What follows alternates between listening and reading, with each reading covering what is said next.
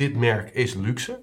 Nou, dat werkt met heel veel associaties op zich nog best wel goed. Bijvoorbeeld met innovatief, met nieuw. Dan ga je dus door copywriting en door beelden maak je gebruik van nou, die directe associatie met daadwerkelijk die eigenschappen. Met luxe werkt het helaas averechts. Omdat je dan dus dat paradoxale effect hebt dat degene die dat het hardst roepen het minst daadwerkelijk daarmee geassocieerd wordt. Omdat luxe geassocieerd wordt met subtiliteit. Goed dat je luistert naar de Neuromarketing en Gedragsbeïnvloedingspodcast.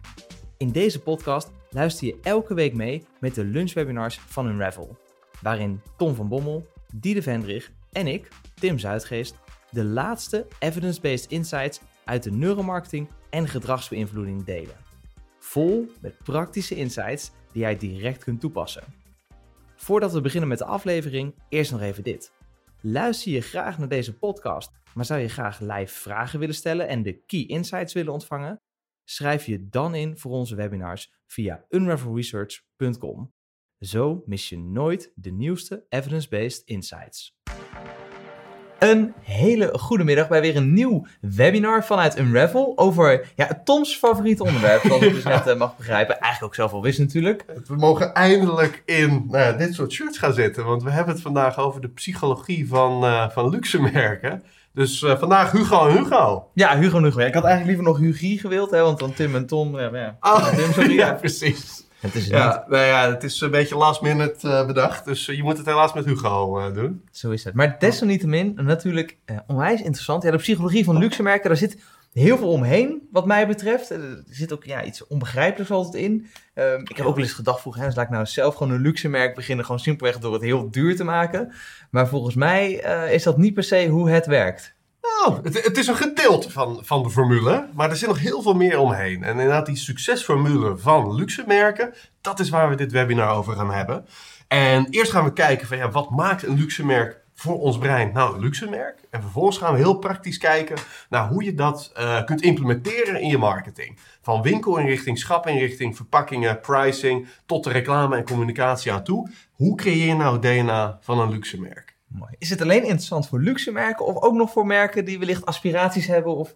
Nou, het is vaak zo dat je een soort een zekere trade-off hebt bij, eh, om alvast even vooruit te lopen. Bijvoorbeeld of je een prijs op 0,00 of 0,99 zou laten eindigen. Blijkt zo te zijn dat een van die twee heel erg goed past bij luxe merken maar niet zo voordelig voelt. En het andere juist voordeliger voelt, maar niet zo goed past bij luxe merken. Dus vaak door de dingen niet te doen die luxe merken wel doen, kun je, als jij je positioneert als een voordelige, maar kwalitatief goede keuze, uh, daarin weer natuurlijk zo sterk mogelijk naar voren komen. Dus het is altijd goed om te weten hoe die trade-offs werken. Ja, nou, super interessant. En dat is weer een mooi ja. lekkermaakje ook voor wat we straks gaan krijgen. Dus Absoluut. ik zou eigenlijk zeggen, laten we erin duiken, Tom. Ja, nou goed om te weten trouwens voor de mensen thuis. Uh, de chat die zal zich op dit moment ongetwijfeld vullen, want de inschrijvingen van dit webinar gaan hard. Maar we hebben dit van tevoren opgenomen, want als jullie dit nu aan het kijken zijn, dan zit Tim lekker op Bali te genieten. Ja, ja, ja. Ik ben een beetje geluk. Nee, dat zal. Ik zeg, check ik nog in in de chat, dat zal meevallen. Want waarschijnlijk vanwege het tijdsverschil. en het feit dat ik gewoon uh, op vakantie ben. Maar. Uh, Precies. Ja, ik zal in ieder geval wel in de chat aanwezig zijn. Dus heb je vragen, opmerkingen of wat dan ook, uh, dan gaan we daar in de live achtergrond op die manier ook natuurlijk mee interacteren. Precies. Voor nu. Ja, ik wil zeggen, oh. en natuurlijk zoals altijd, laat ook eventjes van je horen hè, in de chat. Uh, want zoals gezegd, Tom zit er dus ook bij. Uh, en dat vinden we altijd leuk om te zien. Er gebeurt altijd heel veel in de chat, er wordt veel gereageerd. Uh, en dat vinden we ook heel leuk, want dan krijgen we ook een beetje feeling van hè, wat er dus bij jullie leeft en de vragen die jullie hebben. Dus schroom vooral niet om dat te doen. Mm -hmm.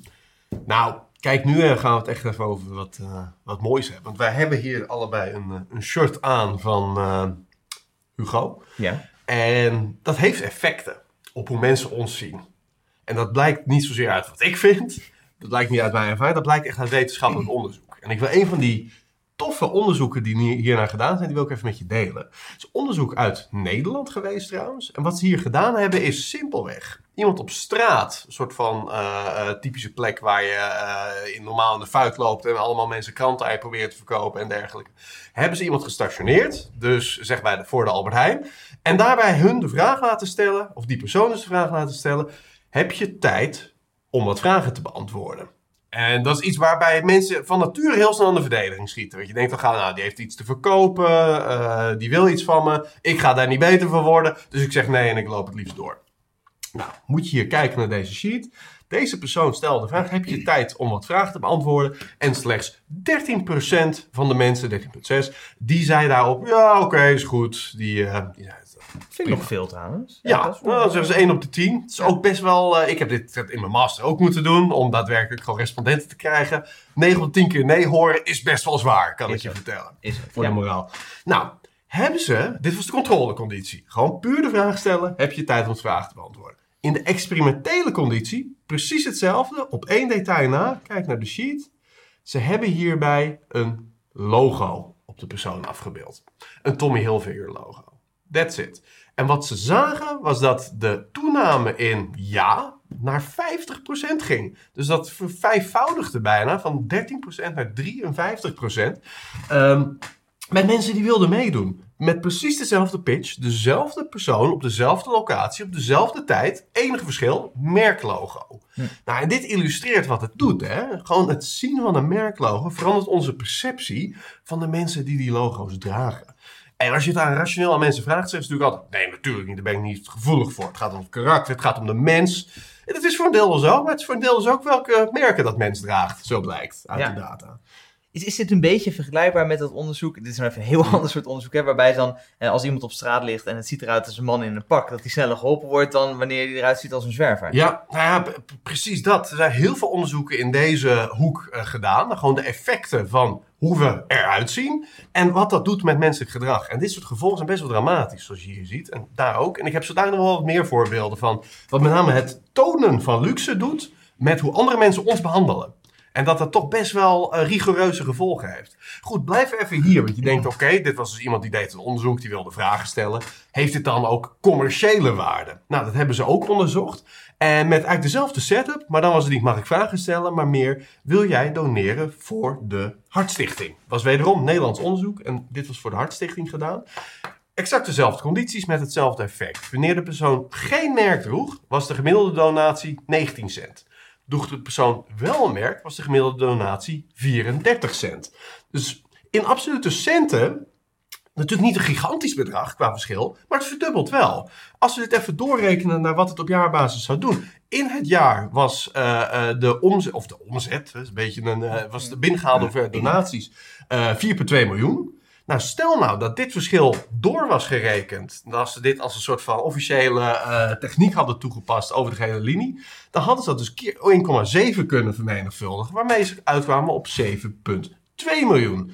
En als we dat eventjes naar de menselijke maat terugbrengen. Dat zijn dus 133 extra harttransplantaties. Ja. Zo hadden de onderzoekers voor gerekend. Dus dit soort dingen doen ertoe. Dat vind ik heel mooi onderzoek. Ja. En ik herinner me deze nog inderdaad vanuit onze studie, als ik het goed heb. Klopt. Eh, ja, toen eh, daar hebben wij elkaar ontmoet bij economische consumentenpsychologie in 2011 was het. Een van de eerste lichtingen volgens mij. Goeie tien jaar geleden. En daar was dit al inderdaad een van de studies die toen langskwam. En eigenlijk het vuur, ons enthousiasme voor dit vakgebied heeft aangewakkerd. Nou, dit is dus gewoon een voorbeeld van wat luxe merken doen met hoe wij eh, de wereld om ons heen ervaren. En dat het echt op gedragsniveau grote effecten teweeg brengt. Nou, we gaan dus in dit webinar kijken allereerst hoe ziet luxe eruit in het brein. Dus wat is enerzijds het gevolg van luxe merken op ons gedrag? En ook wat zijn eigenlijk associaties in ons brein die met luxe gelieerd zijn? Hoe kun je dat meten? Vervolgens gaan we praktisch kijken naar hoe je dat kunt toepassen in retail. En daarna praktisch kijken hoe je dat kunt toepassen in reclame en communicatie. Dus een hoop mooie dingen voor de, voor de boeg. En allereerst gaan we kijken naar hersenactiviteit. Of niet zozeer hersenactiviteit, maar waarom zijn wij gevoelig voor luxe merken? Waarom zijn er mensen die bereid zijn meer geld te betalen voor een shirt waar Hugo op staat dan het identieke shirt zonder deze letters? Nou, dat heeft te maken met wat ze in de eh, ehm, evolutionaire psychologie costly signaling theory noemen. En dat is simpelweg dat mensen naar buiten toe signalen willen ehm, eh, tonen die hun status verhogen, maar dat zijn signalen die kostbaar moeten zijn. Oftewel, je moet iets geïnvesteerd hebben om die signalen te kunnen tonen. Het moet niet soort van voor het oprapen liggen. Nou, dat zie je in de dierenwereld met de pauw. De pauw, de, eh, de mannetjespauw althans, die hebben een hele grote kleurrijke eh verennet. Dat kost veel energie om te hebben. Dat is evolutionair niet eens per se handig. Maar het is wel een teken om ja, vijanden eigenlijk af te kunnen schrikken. En daarmee evolutionair gezien gunstig voor deze pauw. Hetzelfde zien bij de silverback gorilla. Je hebt altijd binnen elke groep gorilla's eentje die is super sterk en die moet ongeveer vier keer zoveel per dag aan calorieën volgens mij eten om dat te kunnen behouden. Dus wederom kostbaar om te hebben, maar statusverhogend om uit te dragen. Ja. Bij de mensen hebben we Jort Kelder. Dat is vandaag de dag, zeg maar, cost signaling theory. Veel geld hebben, dat kunnen investeren in iets wat je kunt tonen naar de buitenwereld. Merkkleding, luxe pakken, noem maar op. Dus het ziet er iets anders uit dan in het dierenrijk, maar het onderliggende principe is hetzelfde. Iets kostbaars hebben om status te verhogen. Ja, nou, dat is eigenlijk wel grappig wat je zegt, want je, je toont hiermee dat je veel geld hebt, zeg je. Maar het is in feite natuurlijk dat je veel geld had. Ja, want je hebt veel geld moeten uitgeven om dit eh, te hebben. Ja. Het is even een soort eh, omdenken die ik had uit het boek eh, The Psychology of Money. Overigens een, een aanrader qua boek, Oh, want cool. die echt dit soort eh, leuke eh, ehm, dingen aangeeft. en een van de dingen die ze ook benoemen, zeg ja... eh, enerzijds, hè, dus als jij een dure auto koopt, ja, dan laat je zien dat je dus heel veel geld had. Mhm. Want dat zit dus nu in die auto. Terwijl de Ja. meeste mensen die dus wealthy zijn, dat zie je niet direct, want dat zit natuurlijk heel vaak in huis of in investeringen, Ja. niet direct wat je kan tonen. Eh, dus dan voelt het enerzijds natuurlijk onlogisch om het alsnog natuurlijk te willen laten zien. Terwijl dit natuurlijk heel duidelijk aangeeft wat een reden is om dat alsnog natuurlijk Ja. te vertonen. Klopt. En dat is echt een aangeboren, evolutionair in ons brein verankerde neiging. Dus mensen willen dit van nature heel graag. Die willen laten zien eigenlijk dat ze het goed hebben, want het verhoogt hun status. Nou, daar zijn twee vereisten aan. Enerzijds ehm, moet het makkelijk te observeren zijn. Dus het zijn heel vaak visuele kenmerken, dat iedereen het gelijk kan zien. Ja. En tweede, hard to fake. En dat is heel erg belangrijk. Zoals een pauw niet neppe veren kan laten zien, is het belangrijk dat het kostbare signaal, zoals bijvoorbeeld merkkleding, niet te neppen is. Nou, dat zie je bij merkkleding best wel eens vaak fout gaan. En je ziet wat er ook vaak gebeurt, dat dat een geheel merk kapot kan maken. Dus wanneer er, dat zag ik bijvoorbeeld bij Armani ongeveer 15 jaar geleden, toen waren er meer neppe Armani's in omloop dan echte Armani-shirts. Waardoor, zelfs al heb je een echte, dat qua kost die signal aan waarde verliest. Omdat er zo ontzettend veel neppen zijn. En dat verklaart dus waarom dat eh, zo is. Moet daarom eh, luxe kleding daarmee ook eh, kwalitatiever zijn? Hè? Dus Hmm. gewoon hoogwaardigere kwaliteit? Is wel ehm, in de offering natuurlijk een goede. Dat je een soort van meer kenmerk ook hebt waar men het zou kunnen zien. Is dit e- echt, is dit nep?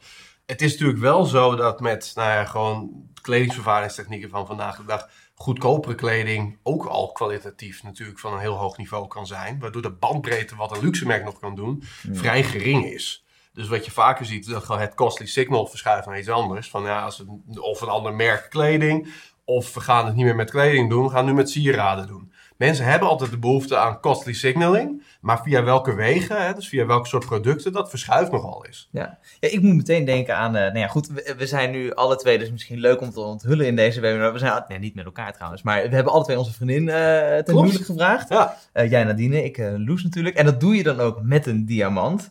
Ja, en een van die dingen is natuurlijk ook, ja, dat is iets wat een diamant, waarom heeft dat waarde? Nou, omdat het dus heel moeilijk uit de grond te halen is. ja, Eh, en zodoende natuurlijk is dat ook dus het signaal van, ja, de, de, Ja. een soort de blijk van liefde die we hebben, omgezet in een moeilijk te... perfect voorbeeld. Ja. Ja, je, je gaat het niet met een, eh, een, een stuk hout doen wat je zelf vervaardigd hebt en misschien veel meer moeite en liefde eigenlijk in is gaan zitten. Nee, het moet zeldzaam zijn. Ja. En zichtbaar. Nou, dat is exact wat een diamant is. Ja, Ja, goed voorbeeld. Nou, en dan eh, weer even omgekeerd. Wat doet dat dan met het menselijke gedrag? We zagen net al, eh, mensen ga je sneller helpen, eh, geven meer donaties. Je zei al, wanneer iemand op straat ligt die bewusteloos lijkt te zijn, is de kleding van die persoon nogal bepaald of die persoon geholpen wordt. En ik heb er nog meer uit die hoek, want dit zijn echt de leukste onderzoeken uit de psychologie natuurlijk. Een hele klassieke, maar ik denk nog altijd zeer ware, is verkeersagressie. Dus stel je even voor, je staat bij een stoplicht en eh, die is rood, staat één auto voor je, eh, het stoplicht springt op groen en die auto voor je rijdt nog niet weg. Wat doe je? Nou, of je gaat toeteren of nog even geduldig afwacht, blijkt heel erg af te hangen van welk merk auto's heb ik voor me staan. Eh, wanneer je bijvoorbeeld een, eh, nou laten we zeggen gewoon een doorsnee alledaagse bak, zoals in dit geval de Hyundai, en ik wil daar niemand mee beledigen, want dat lijkt mij ik ben al lang blij dat je niet mijn Toyota Corolla. Ja, laten we het een Toyota Corolla noemen. Oh nee, fijn. Ja, Ja, leuk. dat in ieder geval gewoon kan van alles zijn. Ja. Eh, eh, dan blijkt mensen toch behoorlijk snel te gaan toeteren uit, eh, uit agressie, uit ongeduld. Ja. Echter, zit je daar bij een Audi, een BMW of een, of een Porsche neer, Ja. dan zijn mensen een heel stuk voorzichtiger met toeteren.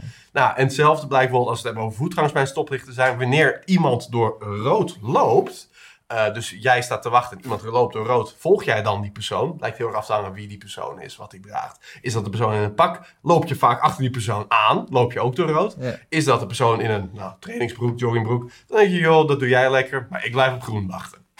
Dus die sociale volgzaamheid lijkt ook weer af te hangen van merken.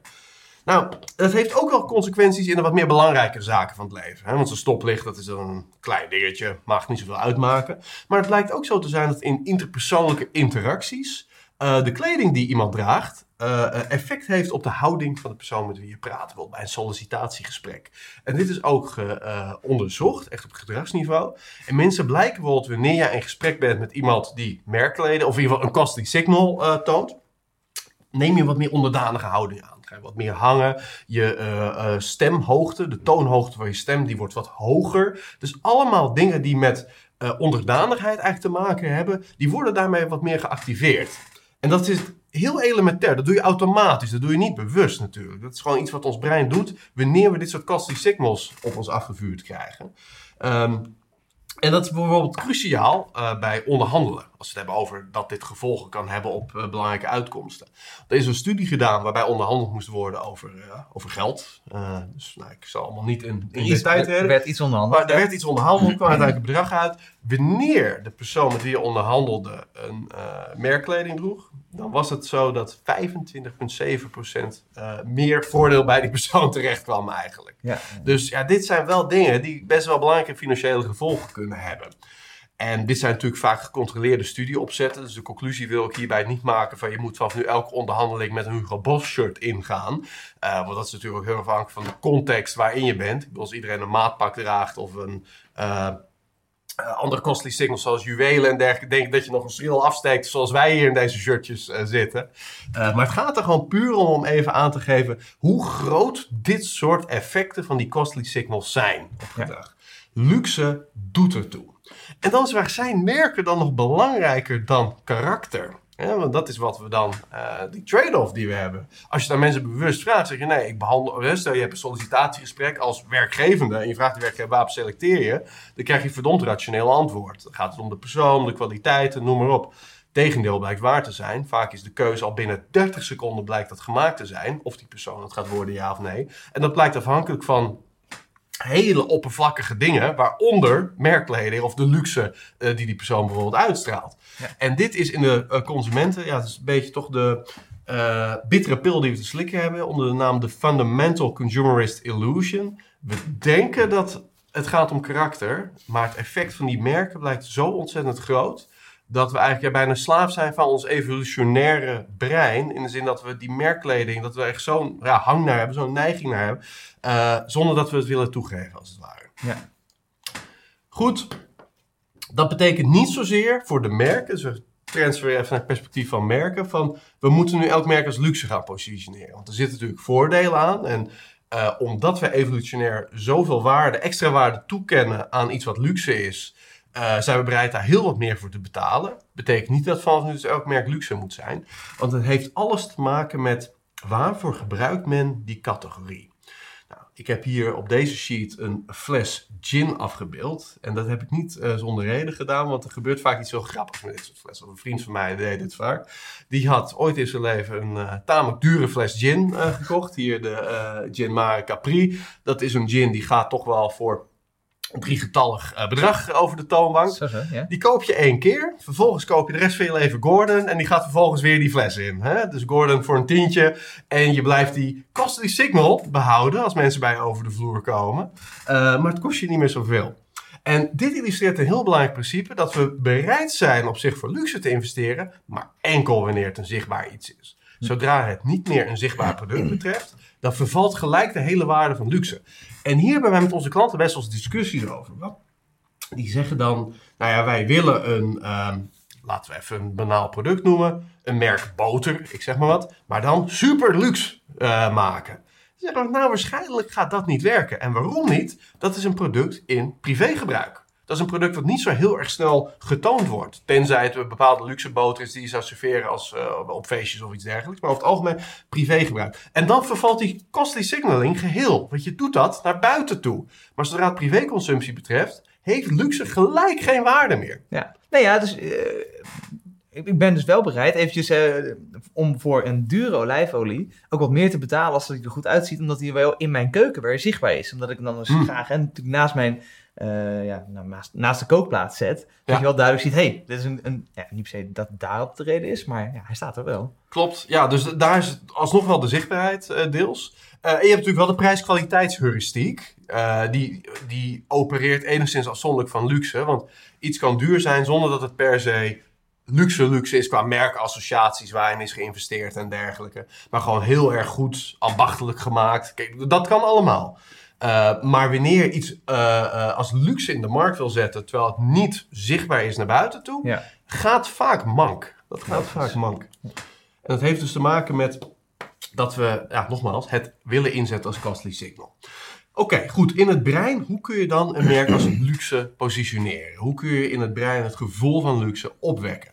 Nou, het is zo, branding, dat zagen we ook in de eerdere webinars die we over branding gehouden hebben, is geheugenmanagement. Je moet je voorstellen dat elke associatie, elk gevoel, elke eigenschap, ook elk merk, is een klompje neuronen in ons brein. En wanneer die tegelijkertijd activeert, zullen die met elkaar geassocieerd worden.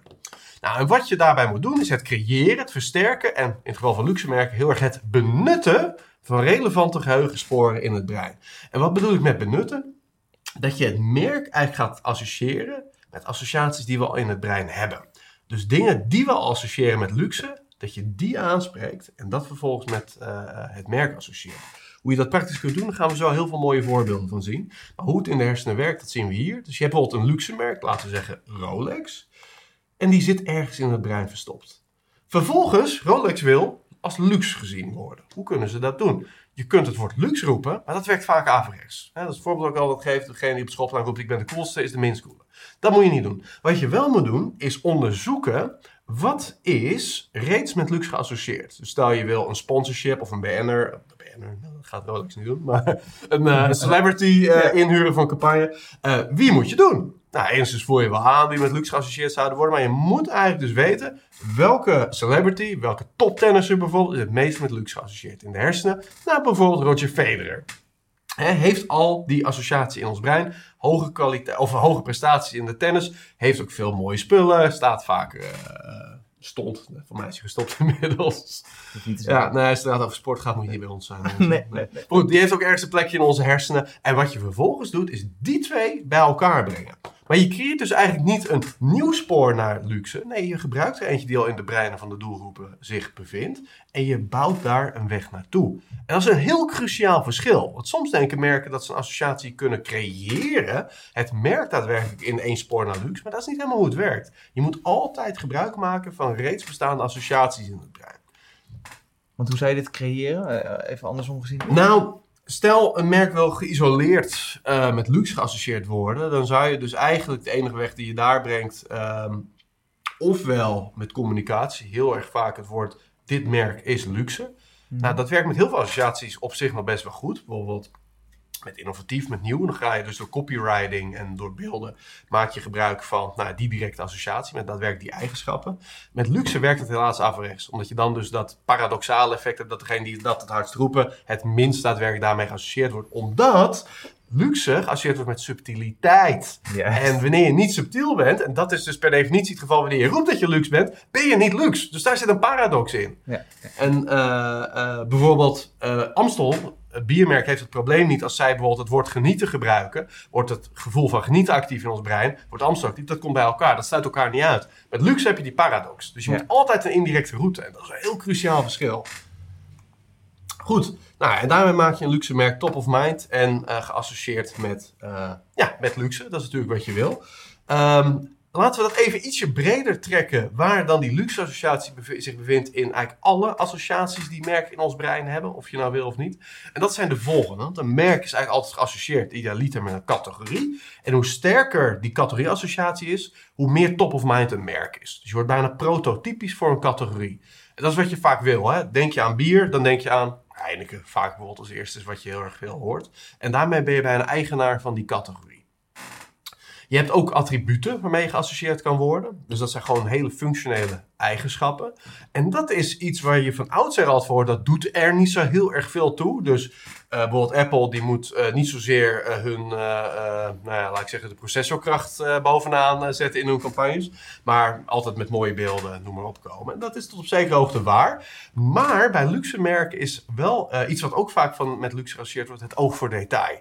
Nou, dat zie je dus ook wel bij Rolex, dat ze altijd die Zwitserse precisie, zeg maar, van een, een klok die na 100 jaar nog geen seconde verkeerd loopt, zeg maar als associatie hebben. Dus sommige attributen die zijn al van nature met luxe geassocieerd. En dan zijn het dat juist die indirecte dingen die je qua merkassociaties kunt aanspreken om als luxe gezien te worden. Nou, vervolgens heb je de benefits. Dus dat is eigenlijk wat levert een attribuut de consument, de gebruiker van dat merk op. Dat kan heel functioneel zijn. Dat is gewoon simpelweg wat je ermee wilt bereiken. Je koopt een bor om een mooi schilderij aan de muur te brengen. Het kan een stukje beleving zijn. Dus het geeft jou een goed gevoel. Uh, dus nou, dat is als je een stuk kleding koopt, het comfort wat dat je eigenlijk oplevert en je nou, helemaal fijn voelt. En tenslotte symbolisch. En dat is de belangrijkste voor luxe, want dat is eigenlijk de sociale consequenties van het consumeren van een product. En nou, daar hebben we zo duidelijk wat voorbeelden van in reclame. Dat is namelijk wat je wilt aanspreken in de associatie met een luxe merk. Dat wanneer jij dit automerk koopt, mensen van ver in de straat al even achterom kijken. Voor zo, wat komt daar de straat in gereden? Maar dat luistert heel erg nauw, dat dat dus niet in het banale vervalt. Uh, waarbij mensen zeggen, ja, dit is niet meer subtiel. Want als het niet meer subtiel is, is het niet meer luxe. Ja, ja, ja. Gaan we zo voorbeelden van zien hoe je dat goed kunt uh, doen. Uh, ten vierde het gebruiksmoment. Nou, dit zijn de category entry points. Heel erg belangrijk. Heeft Byron Sharp met name recentelijk groot gemaakt. Is voor luxe merken net zozeer belangrijk. Op welke momenten gebruik je een merk? Dus ook die associaties wil je natuurlijk activeren. En tenslotte de persoonlijkheid en waarden van de gebruiker. Dus je wil jezelf als gebruiker herkennen in het merk. Ook dat is natuurlijk heel erg belangrijk. Dat wat je bijvoorbeeld ziet gebeuren in de reclames, ofwel jou weerspiegelt hoe je bent, ofwel jou weerspiegelt hoe je wil zijn. En met luxe merken is het met name dat laatste natuurlijk. Het zijn vaak aspiratieve producten. Want zoals jij al terecht aangaf, zijn het vaak de mensen die van nieuw geld zijn, die net hun geld verdiend hebben, die het heel erg prettig vinden of aantrekkelijk vinden om vervolgens luxe spullen te kopen. Oud geld, mensen die al generaties aan veel geld hebben, zijn er niet zo heel erg in geïnteresseerd over het algemeen. Omdat het uh, nou, niet meer voelt als een overwinning. Ze hebben niks meer te bereiken bijna op dat aspirationele vlak. Goed, nou al deze zaken die kunnen ertoe leiden dat het product sneller gekocht wordt in een koopsituatie, eerder aan gedacht wordt. En dat valt of staat altijd met één cruciale variabele en dat is bestaat deze motivatie al? Je kunt geen motivatie creëren bij mensen. Je kunt alleen maar gebruik maken van de motivatie die er al is. Nou, en dat gaven we natuurlijk net ook al aan. Um, je kunt uh, uh, niet binnen een categorie die men niet gebruikt om zichzelf als een luxe persoon, als een luxe dier te tonen naar de buitenwereld, kun je niet een luxe merk succesvol neerzetten. Dat werkt gewoon niet. Want je, je kunt met alle markten van de wereld er niet voor zorgen dat die motivatie uit het niet zomaar ontstaat in die categorie. Dat gebeurt soms wel hoor, over tientallen jaren. Maar dat is een heel langdurig, eigenlijk sociologisch proces. Daar kun je als merk niet zo veel mee doen. Het zal een van niet je doelstelling op de korte termijn moeten zijn. Je moet altijd motivatie spotten zoals ze in de markt liggen. Dus dat zijn deze motivaties die je ook op de sheet ziet. En daar vervolgens je merk als het ware in prikken. En uh, nou ja, we hebben dit soort mooie verhalen natuurlijk niet alleen maar in onze webinars, uh, Tim. Want, nee, nee ja, het, het, leek ons ook gewoon een mooi moment om um, eigenlijk met jullie ook te delen dat, ja, hè, hier zitten Tom en ik natuurlijk aan tafel, soms ook natuurlijk met Diede afgewisseld ja. daarin. maar we mogen dit soort mooie dingen ook vaak vertellen um, in company, dus bij bedrijven eigenlijk op locatie. dus we worden heel vaak gevraagd als spreker. En dit leek ons dan ook een mooi moment om ook met jullie te delen dat mocht je dit nou ook hè, intern willen vertellen of denk, joh, we zouden graag nog een keer een spreker nodig hebben. Bijvoorbeeld over de psychologie van luxe merken, maar dat kan natuurlijk nog veel breder. Psychologie van gedragsbeïnvloeding, neuromarketing, conversie, nou noem allemaal op. Uh, dan zijn we te boeken. En dat kan door een mailtje te sturen naar speakers.unravelresearch.com. Kijk, dat is nice. En uh, we gaan door. Ja, jij uh, gaat, gaat door. Want we hebben nu gezien, ja, hoe ziet een luxe merk er in ons brein uit? Maar vanuit merkzijde wil je weten hoe kunnen we dat maken. Hè? Dus wat moet je in de winkel doen om het gevoel van luxe te activeren? Daar hebben we wat mooie voorbeelden van. Ja, ja precies. Dus hè, je hebt eigenlijk net natuurlijk het mooie fundament eigenlijk al gelegd. Ik denk dat dat natuurlijk wel essentieel is, zoals je ja. al zei. Uh, stel dat ik nu zelf opeens een luxe merk zou gaan uh, beginnen en dan deze ja, dingen die ik straks ga benoemen zal doorvoeren, dan ben je niet opeens luxe. Maar dit zijn wel de, ja, de nette kleine effecten, de veranderingen die je kan doen om te zorgen dat het luxegevoel meer ja, congruent is en meer in lijn met wat je natuurlijk, of de consument uiteindelijk verwacht. Laten we er eventjes uh, induiken. En een van die eerste dingen is dat, ja, ik noemde het eigenlijk net al, hè, dat die congruentie, um, dat dat, ja, die zintuigen bijvoorbeeld ook ja, congruent moeten zijn. En daar bedoel ik eigenlijk het volgende mee. En je hebt bijvoorbeeld uh, het zintuig, uh, bijvoorbeeld nou, geur of geluid. En die moeten met elkaar in overeenstemming zijn wanneer je dus een bepaalde associatie wil versterken. kijk bijvoorbeeld eventjes, hè, je ziet een, een rustgevende geur. als je daarmee ook rustgevende kleuren gebruikt, dan zie je dat het elkaar ook kan versterken. Maar bijvoorbeeld ook, en dit vind ik een hele leuke, ook bijvoorbeeld met een een hoekige mok. We zien ook vanuit de psychologie dat dat ook beter gepaard gaat, om er eventjes in, de, in dezelfde terminologie te blijven, met een bittere smaak. Dus dat dat ook daar weer congruent is. En ook dat is natuurlijk heel belangrijk om uh, op te letten. Ehm, ook een hele leuke, dit is een, een onderzoek, um, um, dit hebben ze gedaan met bananen, uh, toevalligerwijs. Ik vroeg me altijd af, waarom dan met bananen? Zo'n product wat veel van kocht in de supermarkt. Maar ook daar zien we weer die congruentie weer. Uh, een sterke bas, dus veel bas in de muziek, even als zintuig. Gecombineerd met een donkere ondergrondskleur in dit geval, zorgt dus ook weer een toename van sales van specifiek in dit geval die bananen. Maar dat komt natuurlijk ook weer vanwege die toename in aandacht. Hè? Dus een donkere bas gaat goed gepaard met, uh, sorry, donkere bas. Ik zeg het eigenlijk al. Een diepe, sterke bas gaat goed gepaard met donkere kleuren. Ja, wat ik ook wel leuk vind is, laten we bijvoorbeeld rituals als voorbeeld nemen. Hè? Dus dat is, laat ik, de, voor iedereen ja. best wel een luxe uh, gepositioneerde winkel. Ja. Vergelijk dat, noem eens een tegenhanger, die... Uh, de Lidl? De Action bijvoorbeeld? Of ja, ja, dat is wel een hele sterke tegenhanger. Maar, Trekpleister? Uh, ja, nou, eigenlijk een drogist in die zin ja. inderdaad. Want wat dat betreft heeft Rituals op veel fronten eigenlijk drogisterijproducten. Ja. Alleen ze hebben dat tot het extreme in luxe weten te doen. En heel succesvol, dus dat doen ze, dat doen ze knap. Wat doet Rituals allemaal wel? Wat bijvoorbeeld een trekpleister in die zin niet doet. Um, en er zijn heel veel zaken die zo komen. Dus heel specifiek assortiment. Nou, klein assortiment, luxe dan grote assortimenten. Maar heb je het over die zintuigen? Um, dan is het zo dat ze überhaupt zintuigen aanspreken die in heel veel andere winkelconcepten compleet genegeerd worden. Meestal is een winkelconcept puur visueel. Dus daar is niet eens een tweede zintuig om überhaupt congruent aan te spreken. Terwijl bij de rituals, je hebt geur. Je hebt uh, natuurlijk de visuals om je heen, uh, lichttemperatuur daarin, uh, geluid, um, tast soms. Hè? Dus je kunt bepaalde dingen natuurlijk ook aanraken. Dat zijn allemaal zintuigen, die kun je aanspreken. En überhaupt het feit dat er meer zintuigen aangesproken worden, dat is al meer belevingsgericht. En dat alleen al is meer luxe. En dan vooral als je het ook nog eens ja, consistent doet, zoals hier. Ja, mooi. Um, ja, en, en dit volgende vind ik ook een hele leuke. Die hebben we ook volgens mij, als ik het goed zeg, gepubliceerd op New Neuromarketing.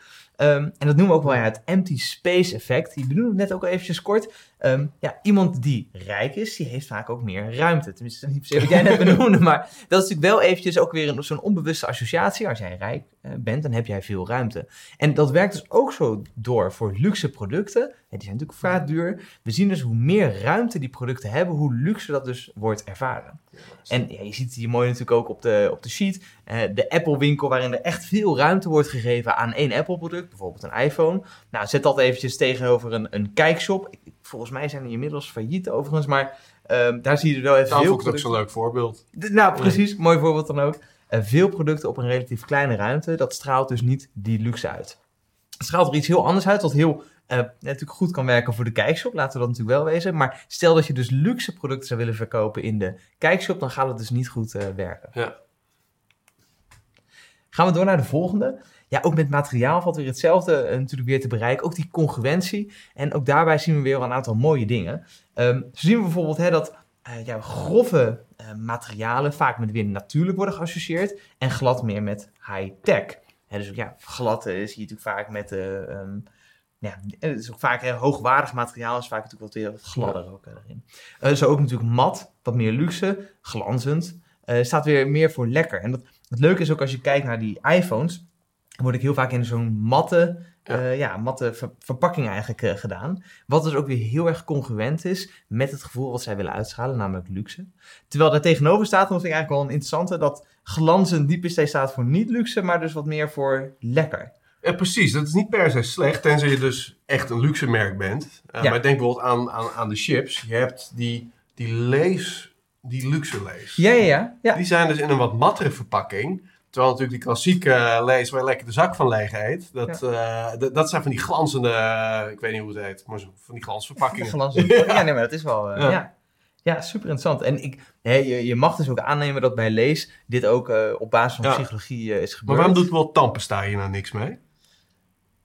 dat is altijd van die hele glanzende tubus. Ja. En misschien kan het ook niet anders gegeven het materiaal hoor, maar je ziet soms wel uh, tubus die zijn nog eerst verpakt in een doosje. Nou, dat is al luxe. En we zien zo dadelijk waarom dat zo is. Dat je iets moet uitpakken. Ja. En, maar dat matten, daar kunnen we wel wat mee. Hmm, interessant. zou dat ook niet... Um, wil je dat met tandpasta, luxe? Nou ja, er worden tandpasta's als luxe geassocieerd, maar het is wel een hele goede dat je zegt. Ja, want je wil natuurlijk dat je tanden glinsteren. Dus als het dan, dus als het mat wordt, ik denk dat dat toch een punt zou kunnen zijn, toch? Ah, op dat niveau. Ja, je wil natuurlijk, ja, precies, dus gewoon bijna meer op het niveau van het eindresultaat dat je beoogt te bereiken. Ja. Gaat het daar inderdaad wel mank. En daarom moet je dus altijd wel beseffen dat al dit soort luxe-associaties zich uh, manifesteren binnen een breder netwerk. Allemaal andere associaties die je bedoelt of onbedoeld ook activeert. Ja. En het zou zomaar bij tanden verkeerd kunnen gaan. Plus, dus bijna niks meer privé qua aankoop dan ja, je tandpasta. Dat, dat zien je gasten thuis niet zo heel snel. Nee, nee als het goed is niet. Uh, nee, inderdaad.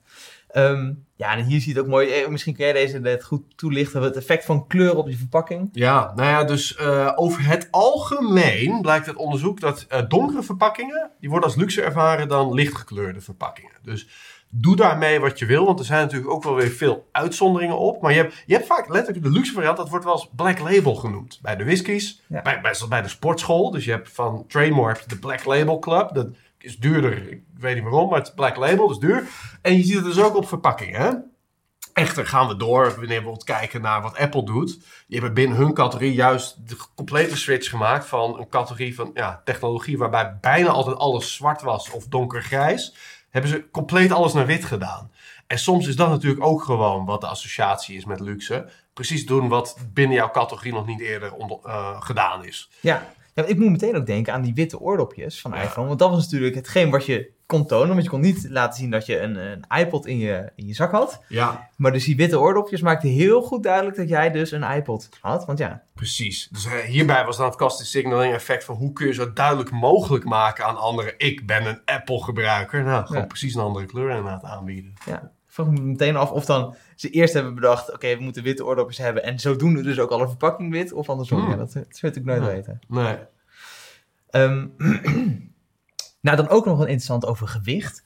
Uh, want ook hierbij zit dus weer zoiets moois, ook iets wat zwaarder is. Um, dan, ja, vaak denk je dat is ook dan dus goed. Maar er zit dus een crux nog in dit verhaal. Want wat blijkt nou, als je het specifiek naar luxe kijkt, het moet eigenlijk gaan over dat een product zwaarder is dan verwacht. Dus daar zit een, een cruciaal punt natuurlijk in. Um, hè, dus we zien dus ook bijvoorbeeld dan, een, ja, als je kijkt naar drinken, dan vinden we dus uit glas net wat lekkerder dan uit blik. Ik heb dat zelf ook. Als je naar een speciaal biertje kijkt, vind ik toch uit blik iets minder dan uit glas. Nou, het zou de zomer dus hier ook kunnen komen. Um, en ook een hele interessante, dat hebben we net ook nog even opgezocht. De iPhone 5, en we, we hebben dit alle twee zo ervaren, die was dus ook lichter. Die is uh, nou, ongeveer 30 gram lichter geweest dan de versie daarvoor. Uh, en voelde daarom ook als minder luxe. Het is natuurlijk heel stom, want hij was natuurlijk nog steeds relatief licht als zwaar, net hoe je het wil zien. Maar omdat hij vergeleken met de vorige iPhone eigenlijk eh, als lichter werd uh, ervaren, voelde hij dus minder luxe. En je ziet het ook leuk als je dit in een grafiekje zou uh, zetten, zie je ook mooi, het gewicht van de iPhone is heel steady, die 5 is opeens licht. En daarna zie je alles weer het omhoog gaan. Dus gelukkig heeft de iPhone het ook snel beseft. Ja. Um, en andersom gezien, dus ook ja, lichter dan verwacht, is dan dus ook negatief. En op zich voelt dat, uh, makes sense ook wat mij betreft. Hè? Want als het lichter is, minder waarde, minder solide, minder luxe. Ja, ja met zoveel onderzoekstechnisch natuurlijk wel leuk dat het niet zo gezegd gaat om wat het feitelijke gewicht is, maar in hoeverre het correspondeert met de verwachtingen. Ja. Dus soms moet je verwachtingen creëren en daar net boven gaan zitten. En je kan ofwel iets zwaarder maken ten opzichte van de verwachtingen, of je kan die verwachtingen natuurlijk aanpassen. Juist. Uh, bijvoorbeeld weer op basis van kleur of vorm. Bij bepaalde vormen verwacht men, oh, dat zal wel iets lichter zijn. Dat natuurlijk ook gewoon niet een objectieve beschouwer zijn van, uh, van, van wat er om ons heen is. Ja, nee, dat is waar. Het is ook altijd relatief Ja. wat dat betreft. En dan is het over verwachtingen eh, managen. Ehm, het interessante is dat zwaar is goed. Dat zien we dan, ehm, eh, als je het hebt over luxe, ook nog terug in andere soorten producten. Niet alleen in het gewicht, eh, maar bijvoorbeeld ook in eh, ja, de, de kurk van een fles wijn. Hè. Dus je moet je meer moeite doen om een kurk eruit te trekken dan zo'n draaidorp. Draaidorp, sorry. En daarmee voelt het dus ook wat luxerder eh, natuurlijk aan. Evenals ook met, ja, eh, hier zie je mooi een lippenstift afgebeeld. Daar hebben we alle twee natuurlijk heel veel ervaring mee. Maar ook daarbij voel je natuurlijk op Labello. aan. In Labello, Ja. nou ja, hoe makkelijker die eigenlijk eruit te halen is, hoe minder solide waarschijnlijk het product ook voelt, hoe eh, minder luxe het dus weer voelt. Dus je wilt daar ook een klein beetje die frictie eh, in maken eigenlijk extra.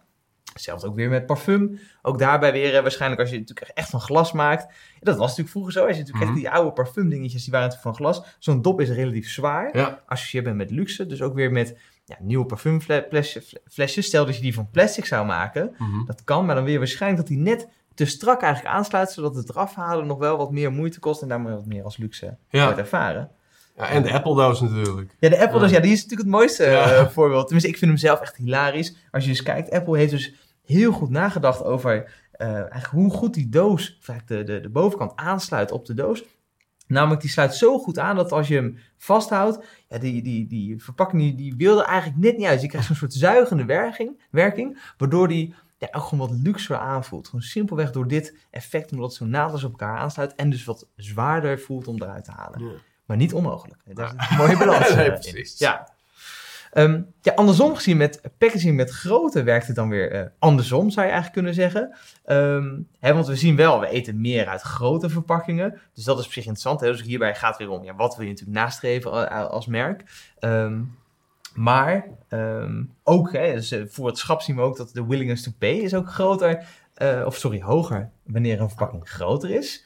Ehm, maar inderdaad, omgekeerd, kleine verpakkingen zijn luxer. Dus ook hierbij zie je weer zo'n mooie congruentie eh, erin zitten. Eh again, dit, dit zal natuurlijk ook weer verschillen per schat. Dus je moet hier best wel goed onderzoek naar doen om te kijken van wat werkt nou goed. Maar vaker is het zo, een kleine verpakking Ja. is natuurlijk met meer luxe geassocieerd. Ook hier, ja, we blijven er maar mee komen. Maar Apple is het ultieme voorbeeld. Die, die verspillen geen millimeter op die verpakkingen. Dat Ja. Als jij eh, bijvoorbeeld de, de iPhone-doos vergelijkt met die van bijna elk ander merk. Dat is gewoon een kleinere doos. Ja. Omdat ze echt alles, ook het hele boekwerk, er zit ook niet zo'n handleiding bij. Dus ze proberen aan alles, zeg maar, zodanig te optimaliseren dat het gewoon zo compact mogelijk kan zijn. En dat is met goede reden psychologisch. Ja, super slim. Het is altijd, het een beetje vervelend om dat iPhone weer erbij te halen, maar ze doen het sorry. nou eenmaal wel heel goed eh, natuurlijk. Ehm, ja, Tom, ik, eh, dit is wat leuk. We hadden het net over de, ja, de Chivas Regal eh, Ja. ehm, eh, effect. Ja, wat, wat is dat ex- eh, exact? Nou, ja, j- jij zei, ik associeer dat een beetje als een goedkope whisky. Ja. En ik dacht van, nou, dan ben jij wel iemand met smaak. En, want... Dat, dat is- ja, ja, ja, ja. Ik, dit is juist namelijk een effect. Laat ik even beginnen met het verhaal gewoon. Dit, Ja. dit merk whisky, dat werd enige tijd geleden, behoorlijke tijd geleden, in de markt gezet.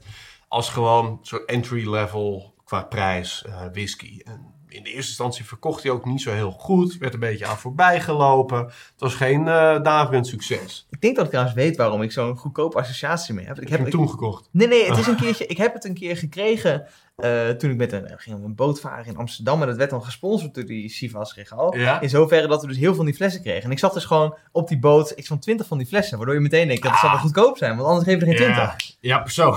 Ja, toch? Ja. Ja, nee, ook hier weer. Hè. Dus eh, eh, less is more. Dat, dat geldt ook zeker bij luxe. Ja. Als iets in overdaad aanwezig is, is het niet schaars. En als het niet schaars is, is het niet luxe. Ja. Hoe het ook zij, marketingteam zat natuurlijk met de handen in het haar. En die dachten, joh, wat kunnen we doen? Wat kunnen we doen? Joh, we maken hem drie keer zo duur. En wat gebeurde er? Het was niet alleen eh, natuurlijk contributief aan de marge... Ook gewoon de vraag ging omhoog. Want het was ineens een totaal ander soort whisky. Het werd een beetje top shelf eh, liquor. Eh, en mensen begonnen het gewoon meer te kopen. Nou, en waarom is dat zo? Dat is te danken aan de prijs-kwaliteit heuristiek. Heuristiek is een mentaal ezelsbrugje, want ons brein is tamelijk lui. En ja, zeker wanneer het moeilijk is om de kwaliteit objectief gezien te bepalen. En dat is bij sterke drank natuurlijk heel vaak het geval. Dan gaan we altijd uit van andere signalen die wat makkelijker zijn. Dat heet een heuristiek. Sociaal kan de verpakkingsvorm zijn, de kleur, daar waar het in de winkel ligt. Maar dus ook gewoon prijs. Namelijk duurder is beter. En Ja, dat is waar deze verpakking goed op heeft ingespeeld. Ga er niet gelijk, als je dit thuis hoort, denken van... nou, bam, dan gaan we eens even ons product drie keer zo duur maken. Dat zal Ja. vast werken. Want het werkt alleen maar in hele specifieke eh, settings, hoor. Eh, er is wel een grote meta-analyse gedaan naar deze heuristiek. Ongeveer 71 studies. En over het algemeen is hij erg sterk. Dus Als de prijs hoog is binnen de range die gebruikelijk is binnen dat soort producten... eh, is dat vaak een teken dat men denkt dat het goed is. Maar dit effect is wel vooral sterk bij relatief onbekende categorieën... waar we niet elke dag in kopen. Dus je kan bijvoorbeeld, nou wat kopen we veel? Chips, frisdrank, dat soort merken. Dan kun je iets doen wat ineens drie keer zo duur is, maar dat zal niet zo'n heel groot succes worden waarschijnlijk.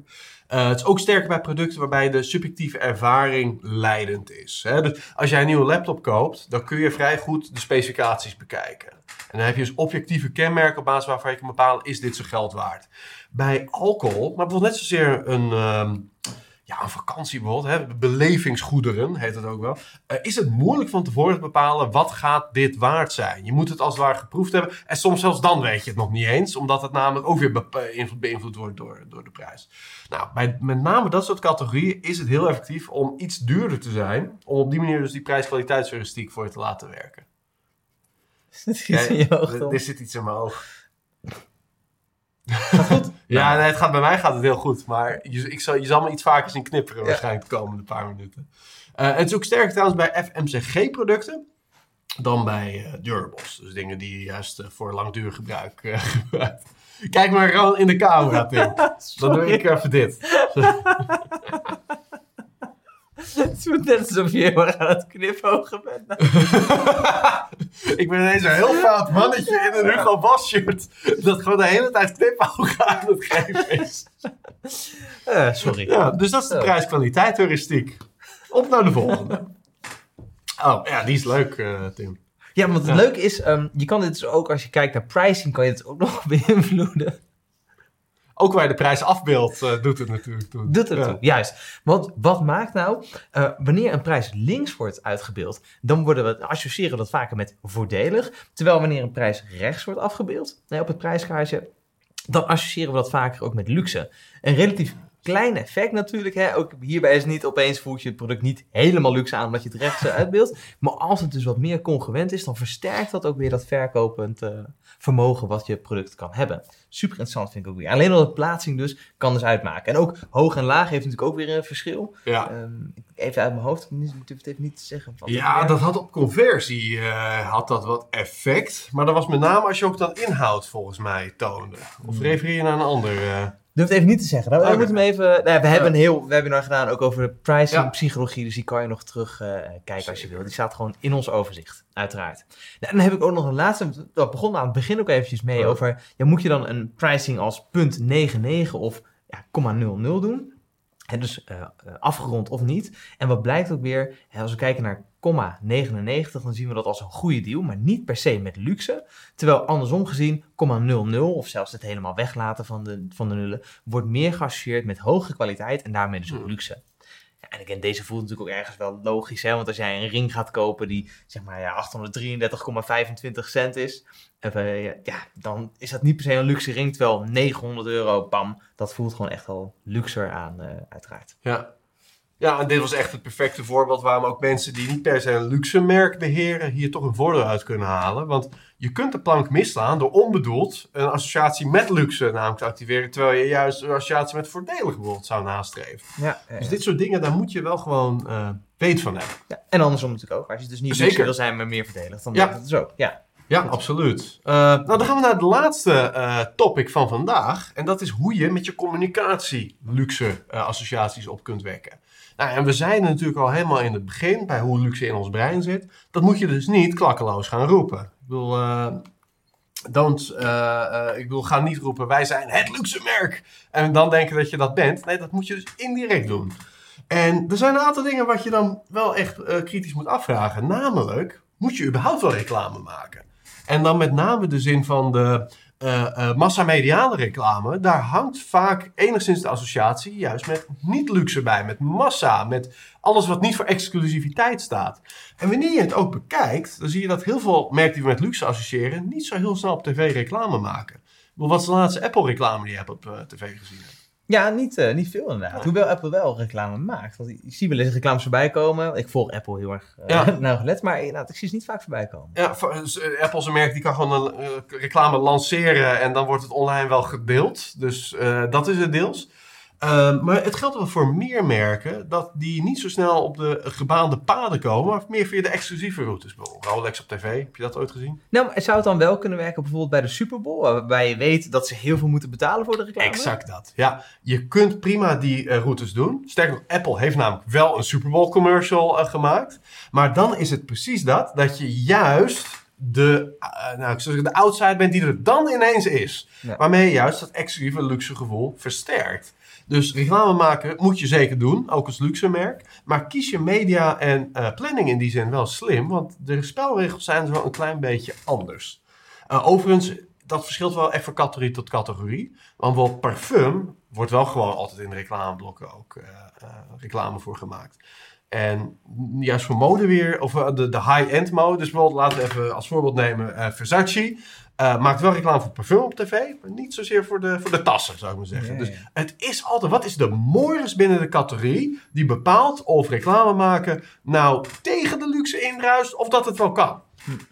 Dus dat is het eerste. Nou, dan als je reclame maakt, en reclame maken moet je zeker doen, maar soms dus meer e- exclusieve communicatie, wat bijvoorbeeld print advertising dan is, bij specifieke bladen voor de doelgroep. Ja, dan hoe kun je die hoge status, uh, of wat is eigenlijk een uh, manier hoe je dus luxe wel kunt associëren zonder te roepen dat je luxe bent. En wat daarin heel erg goed werkt, blijkt dus uit onderzoek, is uh, beelden, want mensen zijn helemaal visueel ingesteld, die de associatie met hoge status oproepen. Ja. Nou ja, dat is wat je dus op deze manieren ziet. En daar zit vaak een hele sociale component aan. Kijk maar eens hier. Dus hierbij is het niet alleen hoog staat in de zin dat je daar links Jon Snow ziet staan en rechts iemand met een manchetknoop en een luxe horloge. Ja. Nee, ze zijn allebei vergezeld in dit geval van een vrouw. Die daarbij ook wel een enigszins adorerende, of in ieder geval, uh, nou ja, uh, Zoek, geef daar eens een, nou, een Het, wordt uh, er wordt aandacht gegeven. Ja. Uh, dus dat is wel interessant bij dat horloge. Hè? Dus die uh, vrouwenhand die probeert dat horloge eigenlijk een beetje zo even te kijken. Dat component is precies wat die hogere status, zeg maar, in, activeert. Van, dat het een interesseopwekkende product is. Ja, dus als je het hebt over die pauw, is dit natuurlijk exact wat hetgene is wat, wat, ja, precies. wat uitgaat. Ja. ja. En, en, en, dat is wat dus vaak, en dat blijkt dat onderzoek goed blijkt te werken, dat het niet een, uh, uh, een advertentie zonder sociale component, maar dat die sociale component er dus wel in moet zitten. Omdat volgens brein dat met name is, denk je terug aan waar we het helemaal in het begin over hadden, waar we überhaupt luxe producten willen kopen. Ja. Nou, en dat zie je dus ook in reclames. Um, de audio kan zo meteen behoorlijk hard uh, binnenkomen, maar we gaan even kijken. Hier zie je namelijk hetzelfde effect.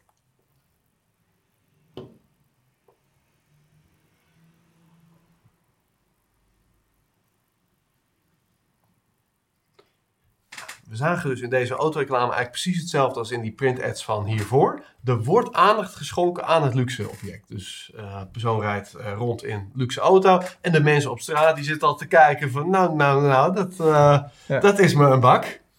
En uh, nou ja, die aspecten. En dat voelt, nu we het zo natuurlijk even ontleden, voelt dit al weinig subtiel. Maar bedenk wel, dit is een shot binnen reclame van een minuut, die vrij rap voorbij gaat. En zeker binnen de automatische piloot en in, ja, intuïtieve manier hoe we vaak reclames verwerken, is dit wel precies hoe je dat uh, moet doen als, als luxe merk. Ja. Is wel leuk, overigens weer uit de Psychology of Money. Ja. En het schijnt ook weer met die auto specifiek zo'n paradox te zijn. Omdat je denkt, als je in die auto zit, dat iedereen naar jou kijkt in mhm. de auto. Dus ik, oh, dat, dat hij die auto heeft. Ja. Terwijl van buitenaf kijk je nooit naar degene in de auto, maar gewoon naar die auto Naar de auto zelf, ja. Dus Juist. er zit zo'n paradox in, dat je dat, uh, ja... Ja, ja, en je wil natuurlijk als consument dat het om jou gaat. En dat is natuurlijk het perspectief zoals het genomen wordt in de commercial. Door veel shots van de interior ook uh, te tonen. Maar in werkelijkheid is het helemaal niet de persoon waar het om gaat. Ja, van die auto. Nou, dit is een interessant onderzoek, uh, Tim. Want je, je krijgt, ja, op een gegeven moment eh, is je ammunitie op, zou je zeggen, als luxe merk. Wat kun je nou nog tonen nadat mensen ook nog even uh, indruk, met uh, indruk in de ogen hebben gekeken naar het product? Wat kun je nog meer afbeelden? Een behoorlijk effectieve route in de visuals blijkt te zijn groteske beelden. Mhm. Dus dat zijn onalledaagse, soms licht chockerende beelden. Gewoon tonen wat de mainstream merken niet zouden doen. Juist. En dat is bijvoorbeeld wat deze campagne van, uh, van Sisley heeft gedaan. Fashion Junkie. Dus dit, eh, hierbij zie je eh, twee dames en het lijkt alsof ze een, een lijntje kook snuiven. Ja. Dat is het niet, want ze, ze doen dat eigenlijk dus met daadwerkelijk het kledingproduct. Ja. Nou ja, je kunt ervan vinden wat je wilt, of het de goede smaak tegenwoordig, daar gaat het nu niet om. Het punt is, dit is typisch een voorbeeld van groteske beelden. Dat je echt denkt, wat zit ik nou naar te kijken hier? Ja, En- natuurlijk ook gedaan. Klopt, heeft Food Supply heeft daar ook weer naar het kapars gedaan. En je ziet dat daar best wel wat eh, luxe merken hier eh, eh, gebruik van maken. Dat blijkt psychologisch ook te werken, omdat die groteske beelden dus, juist waarschijnlijk omdat het opvalt en iets is wat die mainstream merken niet doen, iets wat dat luxe associatie in zich draagt. Maar je kan natuurlijk wel snel in de wansmaak vervallen. Dus hierbij is het wel belangrijk je ook wel, nou, hoe ver kun je buiten de gebaande paden treden als het ware. Dat je daarbij stilstaat.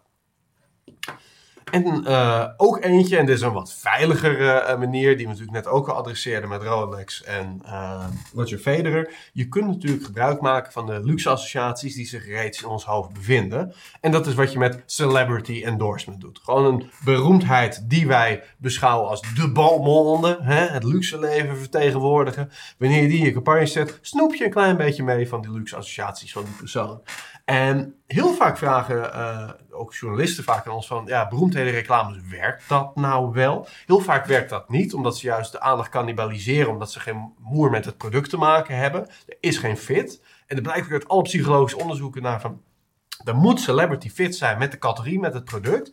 En juist bij luxe merken is dat er zo. Want dit zijn natuurlijk de typische producten die zo'n soort persoon, luxe, zou moeten gebruiken. Dus juist bij luxe merken werkt celebrity endorsement hartstikke goed.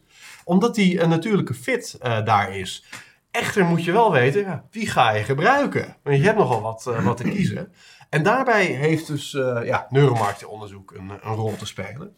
Want je moet dus eigenlijk weten hoe dat associatieve netwerk in ons brein, hoe dat vertakt zit. Dus welke beroemdheid associeer je met de gewenste associaties? En het liefst de beroemdheid met de sterkste associaties. Nou, dat blijkt je dus te kunnen meten. Niet door het uit te vragen, want dan krijg je heel erg vaak een wat neutrale associatie. Want deels willen we het niet zeggen, deels kunnen we het niet zeggen, omdat het dus onbewuste associaties zijn. Maar met eh, de impliciete meetmethode van de IAT, impliciete associatietest, kun je dat wel meten. Ja, en, en kan je natuurlijk ook een mooi een getal er ook echt aan geven, toch? Want als je Exact. dit natuurlijk zou uitvragen wat je zegt, dan, ja, dan zeg je ja, misschien op een vijfpuntschaal, maar Ja. maak dat maar eens hard. Het zit altijd tussen de 2,7 en de 3,3 op die 5 schaal. is berucht. Het zegt eigenlijk geen moer. Ja. Eh, maar wat je dus wel kunt doen, is met een reactietijd gebaseerde methode. Die dus gebruik maakt van het principe dat wanneer die eh, associatie in ons brein, zoals we dat net uitbeelden. Hè, dus gewoon die twee klompjes neuronen die met elkaar vertakt zijn. Wanneer die sterk met elkaar eh, geïntegreerd zijn, kunnen we die twee concepten sterk gelijktijdig verwerken. Dus je zag hier eh, twee celebrities. Hè? Je hebt hier links eh, weer Roger Federer voor Rolex. Rechts, dat is Johnny Depp, toch? Ja. Ja, met eh, Dior. Nou, die kun je natuurlijk allebei meten. Hoe sterk associeer je dat met luxe of met elegantie? Of, hè, er zijn meer associaties die je natuurlijk kunt meten. Als je het in woorden of beelden kunt uitdrukken, kun je het meten. Nou, let als ik zeg Johnny Depp plus luxe. Als jij dat sterk associeert, kun je brein die tegelijkertijd prachtig verwerken. Zeg ik eh Matokki en luxe, Goeie, ja. kost wat meer tijd, omdat het incongruent is. Nou, binnen dat spectrum, ik geef nu even de twee tegenpolen, maar je kunt je voorstellen dat iedereen ergens een plekje in dat spectrum opneemt. Dat kunnen we dus meten aan de hand van reactietijdmethode. Gaan we dus kijken hoe snel je die twee tegelijkertijd kunt verwerken met de impliciete associatietest of de intuitive response test. We hebben twee smaken daarin. En die werkt als volgt. Eh, ik laat jou een merk zien met bijvoorbeeld het woord luxe. Dan kun je dus brand identity meten. Emporio Armani plus luxe. Vind je dat bij elkaar passen, ja of nee? Nou, dan geef je vervolgens antwoord op. eh, een van die twee knoppen. En daarbij meet ik dus enerzijds jouw mening, jouw bewuste mening. Maar waar ik nog meer geïnteresseerd ben, is de snelheid waarmee je die mening geeft. Dus hoe snel je op dat knopje. Dat meten wij op de milliseconde nauwkeurig. Dat doe je dan met 150 mensen. En op die manier kun je dus de associatieve kracht waarmee het je kopie is ingesleten, kun je meten. En deze methode gebruiken wij dus enerzijds om gewoon brand tracking te verrichten. In hoeverre het merk geassocieerd is met de gewenste associaties. Eh, en uiteraard ook voor de concurrenten. Want op die manier kun je dus echt goed tracken hoe de hele markt ervoor staat. Maar daarnaast kun je dat dus ook gebruiken om individuen te meten. Dus bijvoorbeeld nieuwe brand assets of nieuwe eh, celebrity endorsements te testen, vooraf uh, natuurlijk, dus voordat je ze doet, om te kijken of die het gewenste resultaat gaan opleveren. Stel je doet een endorsement die ten goede moet komen van je merkassociaties, dan wil je dat natuurlijk doen met de persoon die al reeds het meest geassocieerd is met die associaties. En dat kun je nou net meten met deze methode. Dus je kunt bijvoorbeeld Roger Federer of Johnny Depp of wie dan ook ook in die methode stoppen en kijken wie is het meest geassocieerd met ons gewenste merkprofiel. En dat is ook wat we heel erg vaak doen, met name voor luxe merken. Want die willen natuurlijk hun ja, investment in een, uh, in een celebrity zo goed mogelijk doen. En ook zeker niet de plank misslaan dat je wel eens iemand selecteert die bijvoorbeeld een andere associatie met zich meetorst, die misschien helemaal niet meer wil hebben. Ja. Dat gebeurde bijvoorbeeld met Tiger Woods en uh, Gillette, ja, die, die was ooit een, uh, nou, zeer gewaardeerd uh, golfer. Totdat hij wat rare fratsen uithaalde. En ook met terugwerkende kracht Gillette daarmee schade berokkende, associatief gezien. Ja. ja, maar het kan natuurlijk ook helpen. Um, ik kan me ook wel voorstellen dat je het op waarde moet kunnen schatten. Want daar nu is het ook een beetje wat de gek ervoor geeft, zou je bijna kunnen zeggen. Klopt. Um, ik kan me ook voorstellen dat zo'n merk zegt, ja, maar ja, uh, wat zou je dan Johnny Depp moeten betalen? En nou, Roger Federer. Ja, dan wil je wel weten hoe dat ten opzichte voor jouw merk eigenlijk het, het, zou moeten zijn. Ja, nou, en daar wordt het letterlijk inderdaad ook voor ingezet door uh, klanten van ons, die met name het merk in kwestie bijvoorbeeld tientallen verschillende celebrities uh, gebruikt in de huidige tijd en over het hele levensbestaan nog veel meer. En daar wil je op een bepaalde manier kunnen kwantificeren. Wie is je het meest waard? En dat kun je dus ook met deze methode doen, wat ja. kwantitatief is. Ja, per merk of per beroemdheid krijg je dus dit soort output. Een, een spinnend diagram waarbij je op elke associatie die je maar zou willen testen, kun je daar op een persoon meten. En dan kun je dus echt kwantitatief staven hoe uh, hoog scoort hij. Dus je krijgt voor elke uh, merk plus eigenschapassociatie of persoon plus eigenschapassociatie een score tussen 0 en 100. Um, ehm, en dat zegt natuurlijk heel erg veel of je beter bent dan de concurrenten en wie de meest geschikte celebrity is. Nou, uh, Tim, dat, uh, dat was hem weer. Was me er wel weer een. Ja, ja Tom, wat, wat zijn de takeaways voor vandaag? Waar moeten ja. mee, waarmee moeten mensen naar huis toe gaan? En absoluut niet vergeten, doen, uh, gaan doen of ja. meer laten. Nou, het allereerste is begrijp waar mensen luxe merken willen. He, want dat is altijd intuïtief voelen we vanuit marketingzijde, vanuit brandingzijde aan van nou, luxe merken, daar zit wel wat in, dat heeft waarde. Maar weet waarom we dat doen? Dat is dus costly signaling. Om naar de buitenwereld toe te, uh, uh, te laten zien dat wij de moeite waard zijn als persoon. Ja. En dat verklaart dus waarom wanneer uh, een product privé genuttigd wordt, ineens die luxe associatie niet meer zo belangrijk is. En dat kun je dus ook op productniveau, zijn daar wel interessante transfers naar gedaan, dat een product wat voorheen privé werd genuttigd, ineens iets doet waarmee men in de straat gezien wil worden. Uh, Red Bull. Ja. Hè, dat is een energiedrankje waar je niet voor hoeft te schamen. Integendeel, sommige mensen kopen dat juist als, uh, als ze ermee gezien kunnen worden. Ik heb een middelbare schooltijd. Ja. ja. En dat is dus costly signaling. Vervolgens moet je ook alle aspecten rondom je merk laat associëren met luxe associaties die reeds in ons hoofd bestaan. Je kunt ze niet zo snel uh, uh, creëren. Je kunt ook niet roepen, wij zijn luxe. Nee, je moet associaties gebruiken die zich al in het brein bevinden. Nou, we hebben heel wat van die associaties gezien in dit webinar. Enerzijds bevinden zich die in de winkel, de wijze hoe een winkel is ingericht, schapinrichting, maar ook het product zelf. Nou, allemaal verpakkingsassociaties, de manier hoe het geprijsd is. Alles kan ofwel wijzen op luxe, ofwel vaak de tegenhanger van voordelig, functioneel, niet luxe. En het ene is niet slechter dan het ander, maar het moet congruent zijn en passen bij je merk. En tenslotte ook in je communicatie net zozeer dat luxe DNA aanspreken op een manier die dus gebruik maakt van associaties die zich al in ons hoofd bevinden. En het gelukkig is, dat hoef je dus niet intuïtief maar een beetje te hopen. Nee, dat kun je meten. En dat is denk ik de belangrijkste tegenhanger voor de mensen uh, die dit nu kijken. Ga dat nou ook meten, want die methoden die zijn er. Dat zijn ook relatief voordelige neuromarketingmethoden. Dus dat gaat echt niet over tienduizenden euro's gelijk. Dat kan echt een stuk voordeliger. En op die manier kun je dus heel erg evidence-based data-gedreven te werk gaan om de juiste keuzes te maken in wat ga ik in mijn reclames communiceren, welke beroemdheden ga ik gebruiken en ook welke niet. En tegelijkertijd ook je merk te tracken ten opzichte van bijvoorbeeld concurrenten of je op het juiste spoor bent. In hoeverre mensen jou met die luxe of andere gewenste associaties natuurlijk daadwerkelijk in hun brein associëren. Ja, ja een hele mooie. Je kan het echt goed objectief maken Door middel van die eh, getallen die je dus mooi eruit eh, krijgt. Precies. En daarmee als uitsmijter vandaag kunnen mensen, of de, de luxe merken, ook natuurlijk andere merken, van onderbuik naar onderbouwd gaan. Ja. Wat natuurlijk weer hetgeen is waarvoor we ook deze webinars doen, ook, maar ook natuurlijk de onderzoeken hier in het Precies. Huiskamer Lab. Ehm, we danken jullie weer allemaal voor het eh, kijken vandaag. Hoewel we het dus even niet live kunnen zien hoeveel er zijn geweest. Hoewel de inschrijvingen dus wel echt goed waren. Dus de, de, de verwachtingen zijn weer hoog. Ehm. Tom zal nog afscheid nemen in de chat ook, Ja, eh, ga uiteraard. ik nu doen. Ja, eh, en jullie allemaal hartstikke bedankt voor het kijken. En uiteraard heel graag weer tot de volgende webinar. Voordat je gaat, nog een paar dingen. Vind jij het belangrijk om op de hoogte te blijven van dit soort nieuwe inzichten? Schrijf je dan in voor onze webinar nieuwsbrief op unravelresearch.com. Wist je trouwens dat Tom, Diede en ik ook te boeken zijn als gastspreker? Of als je meer de diepte in wilt gaan voor een in-company masterclass of inspiratiesessie? Neem voor meer informatie hierover contact op met emily at. Heb je vragen of suggesties over deze podcast? Laat het me vooral dan even weten via tim at. En als laatste, vond je deze podcast waardevol en denk je nu aan één persoon die deze aflevering ook zou moeten luisteren? Stuur hem dan vooral door. Of geef ons een beoordeling in jouw podcast-app. Zo kunnen andere mensen deze podcast ook sneller vinden.